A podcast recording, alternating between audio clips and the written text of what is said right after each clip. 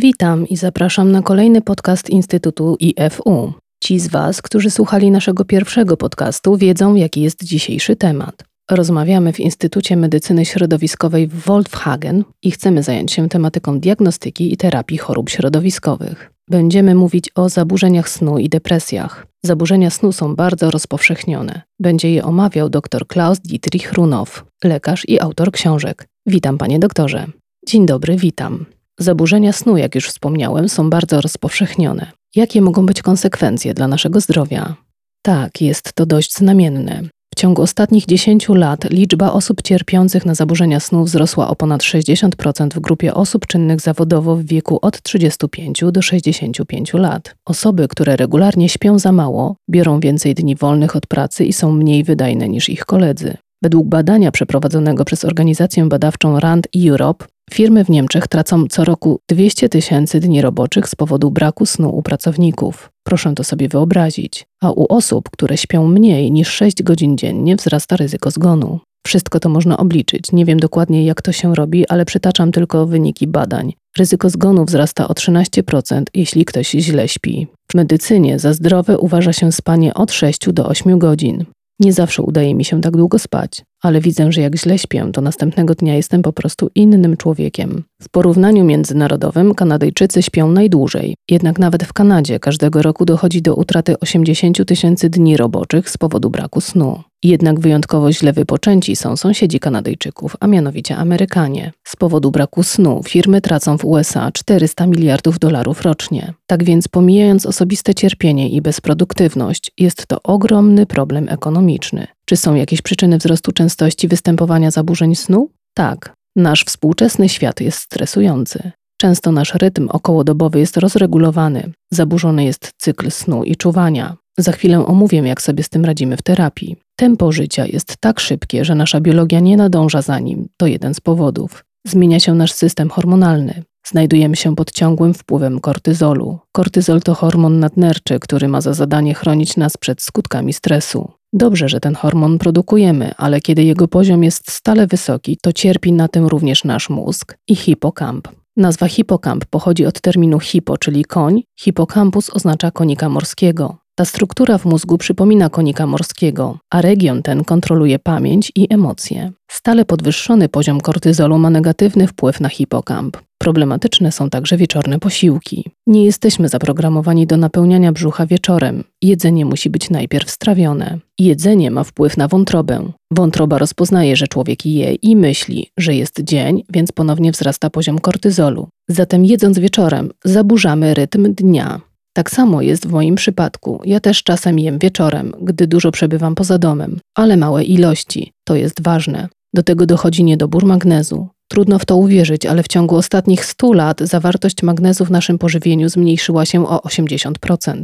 Zawsze nam się powtarza: odżywiaj się zdrowo, stosuj dietę śródziemnomorską i jedz dużo warzyw. To jest trudne. Żywność stała się uboższa w składniki odżywcze. Ostatnią kwestią jest oczywiście zanieczyszczenie światłem. Nasz mózg jest zaprogramowany na dzień i noc, światło i ciemność. Współcześnie wieczorami jesteśmy głównie wystawiani na działanie światła niebieskiego, a nie czerwonego, jak przy zachodzie słońca czy świetle świec, który jest sygnałem dla naszego mózgu, że jest noc. Musisz odpocząć. A my nadwyrężamy jeden z naszych organów, szyszynkę, która produkuje melatoninę, wystawiając się na działanie światła niebieskiego w godzinach wieczornych. Patrzymy na komputer czy telefon komórkowy, a nasza szyszynka mówi stop, jest dzień i przestaje produkować melatoninę. I tak pojawiają się zaburzenia snu. Dotyczy to oczywiście nas wszystkich, bo korzystamy z komputerów i telefonów komórkowych. Czy zaburzenia snu mają dla nas jakieś konsekwencje? Tak, można to u siebie zaobserwować. Jeśli nie spałeś dobrze, jesteś zdenerwowany, masz trudności z koncentracją, czujesz się senny przez cały dzień. Może nawet wystąpić depresja, ale także choroby, o których by się nie pomyślało, jak na przykład cukrzyca. Istnieje więc wiele chorób, określonych mianem chorób cywilizacyjnych, które mogą się pojawić w związku z zaburzeniami snu. Co zaleca Pan swoim pacjentom cierpiącym na zaburzenia snu?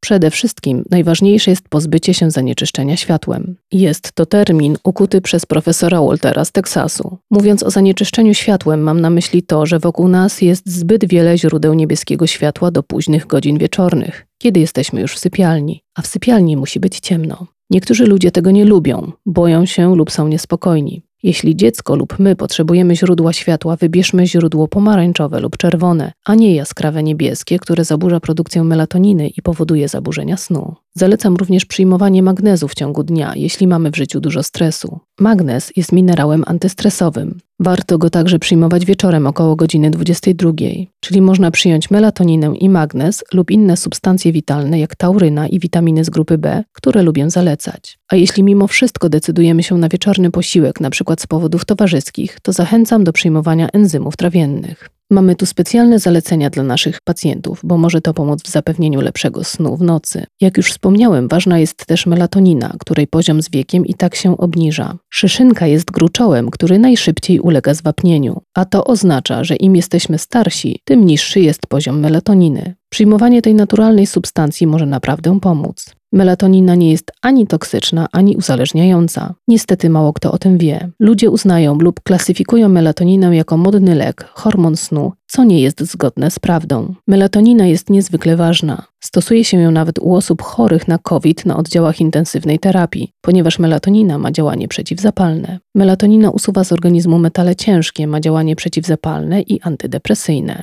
Wspomniał Pan o depresji. Liczba zachorowań na tę chorobę również wzrasta. Jakie objawy występują u pacjentów z depresją? Objawów jest wiele, ale nie należy ich mylić z obniżeniem nastroju. Często kojarzymy depresję ze smutkiem, ale depresja nie ma nic wspólnego ze smutkiem. Werner Bartens, lekarz, który w 2015 roku napisał świetny artykuł do gazety Süddeutsche Zeitung, bardzo plastycznie opisał, czym jest depresja. W artykule pisze o rdzy duszy i wyzerowanej amplitudzie uczuć. Kiedy człowiek nie reaguje, nie odczuwa ani radości, ani smutku, zamyka się w sobie. I dalej pisze, że doświadczenie tej choroby i przeżycie jej wymaga ogromnej ilości energii. To jest ważna wskazówka terapeutyczna energia. Przywodzi mi to na myśl mitochondria. Są to małe elektrownie atomowe w naszych komórkach. I Bartens ma w tym względzie całkowitą rację. Depresja jest chorobą mitochondrialną. Te małe struktury w komórce wytwarzają energię, a jeśli ją zużyjemy ze względu na toksyny środowiskowe, stres i inne okoliczności, może to doprowadzić do depresji. A jakie widzi Pan przyczyny wzrostu zachorowań na depresję? Stany zapalne i toksyny środowiskowe mogą nadwyrężyć mitochondria, które przestają prawidłowo funkcjonować. Warto zwrócić uwagę na toksyny środowiskowe, jak na przykład pestycydy. W Niemczech wprawdzie rzadko stosuje się środek owadobójczy DDT, ale jest to przykład trucizny, która może również wywołać depresję. Nie będę teraz wymieniać poszczególnych toksyn środowiskowych, zajmiemy się tym w innym kontekście. Również zwiększona przepuszczalność jelit, tzw. Tak nieszczelne jelito, leaky gut, sprawia, że nasz mózg reaguje stanem zapalnym. Depresja jest chorobą mitochondrialną, ale także konsekwencją stanu zapalnego. To jest ważne. W doświadczeniach na zwierzętach zaobserwowano, że po podaniu szczurom mediatorów stanu zapalnego, czyli substancji, które są uwalniane podczas stanu zapalnego, u zwierząt tych pojawia się depresja. Pamiętajmy zatem, że it's not all in the mind. Nie za wszystko odpowiedzialna jest nasza głowa. Istotną rolę odgrywają także czynniki środowiskowe. Dużą rolę odgrywa jedzenie fast foodów. Osoby, które jedzą taką żywność przez ponad pół roku, zapadają na depresję, choć może ciężko to stwierdzić ze stuprocentową pewnością, bo jeśli ktoś ma dobrze funkcjonujący układ immunologiczny, może to potrwać dłużej. Warto to wziąć pod uwagę. Trzeba też zwrócić uwagę na alergie pokarmowe. W wielu przypadkach ważną rolę odgrywa gluten. Gluten jest trucizną mitochondrialną, pośrednio atakuje nasze mitochondria prowadzi do powstania reakcji immunologicznej. Jeśli więc mój układ odpornościowy wytwarza przeciwciała przeciwko glutenowi zawartemu w zbożu, cierpią na tym również moje mitochondria. Z pewnością przeprowadzono w tym zakresie badania. A jakie badania przeprowadza się w Pana klinice?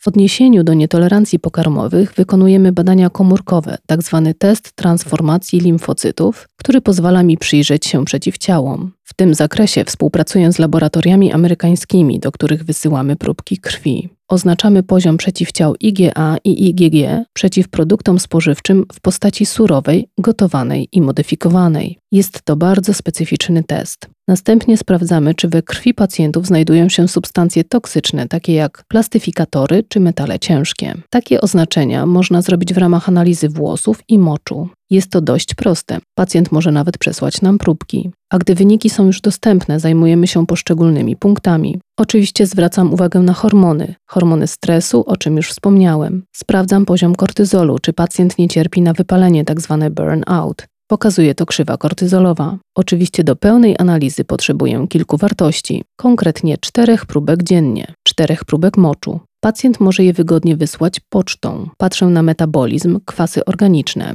Laboratorium przygotowuje profil kwasów organicznych, który pozwala dokładnie określić, jakie jest zapotrzebowanie na składniki odżywcze. Nie chodzi tu o określenie poziomu we krwi, ale o zapotrzebowanie. To bardzo duża różnica. Czasami we krwi występuje prawidłowe stężenie np. witaminy B12, ale na poziomie komórkowym zapotrzebowanie jest zwiększone, czego nie można stwierdzić za pomocą badania krwi. Na przykład w przypadku witaminy B12 sprawdzam poziom kwasu metylomalonowego, który jest oznaczany w moczu. Jeśli znajdę tę substancję, to już wiem, że pacjent potrzebuje więcej witaminy B12, niezależnie od tego, jakie były wyniki badań krwi. Jakie terapie zaleca Pan na depresję? Zdecydowanie zrównoważenie wartości biochemicznych, czyli optymalizację składników odżywczych. Już wspomniałem, że depresję należy traktować jako chorobę mitochondrialną, więc podaję składniki odżywcze, które wzmacniają mitochondria, te małe elektrownie komórkowe. Tu w pierwszej kolejności wspominam o koenzymie Q10 czy ubichinolu, który ma lepiej przyswajalną formę. Dalej oczywiście karnityna, kwas alfa-liponowy oraz witamina B kompleks. Następnie należy wyeliminować produkty spożywcze, które uzyskały pozytywny wynik w teście. Zalecamy również przeprowadzenie analizy stolca i układu trawiennego, ponieważ jelito ma bezpośrednie połączenie z mózgiem. Dlatego chcę uzyskać więcej informacji na temat składu bakterii jelitowych. Warto przy tej okazji wspomnieć, że istnieją złe bakterie jelitowe oraz dobre bakterie, probiotyki. Wśród nich wyróżniamy grupę probiotyków związanych z naszym tematem, tzw. Tak psychobiotyków. Lubię w tym kontekście przytaczać szczep Lactobacillus reuteri, który ma wspaniałe właściwości. Obniża poziom kortyzolu, więc działa antystresowo i zwiększa poziom oksytocyny. A dla tych, którzy jeszcze o niej nie słyszeli, powiem, że oksytocyna to hormon miłości i harmonii, który kontroluje wiele reakcji immunologicznych. Ma również działanie przeciwzapalne. Jak już wspomniałem, depresja jest chorobą zapalną, a ten probiotyk jelitowy pomaga uspokoić mózg i zmniejszyć stan zapalny co może okazać się bardzo pomocne w powrocie do równowagi i normalności. To bardzo ciekawa perspektywa. Dziękuję. Mamy jeszcze jedną informację. Tak, dla zainteresowanych stworzyłem małą książeczkę w formacie A5 na temat depresji. Odpowiadam w niej na pytanie, czy mamy do czynienia z chorobą, czy tylko objawem w cudzysłowie. Zachęcamy do składania zamówień. Książeczka została opublikowana w ramach serii Neue Wege zur Gesundheit, zeszyt numer 43. To bardzo interesujące, wspaniale. Tak, to już naprawdę wszystko w dzisiejszym odcinku podcastu. Bardzo dziękujemy, doktorze. I jak zawsze w notatkach do podcastu znajdziecie pomocne linki i dalsze informacje, także informacje o instytucie, numer telefonu, adres mailowy itd. Tak Jeszcze raz bardzo dziękuję i z niecierpliwością czekam na kolejny podcast. Cała przyjemność po mojej stronie. Do widzenia.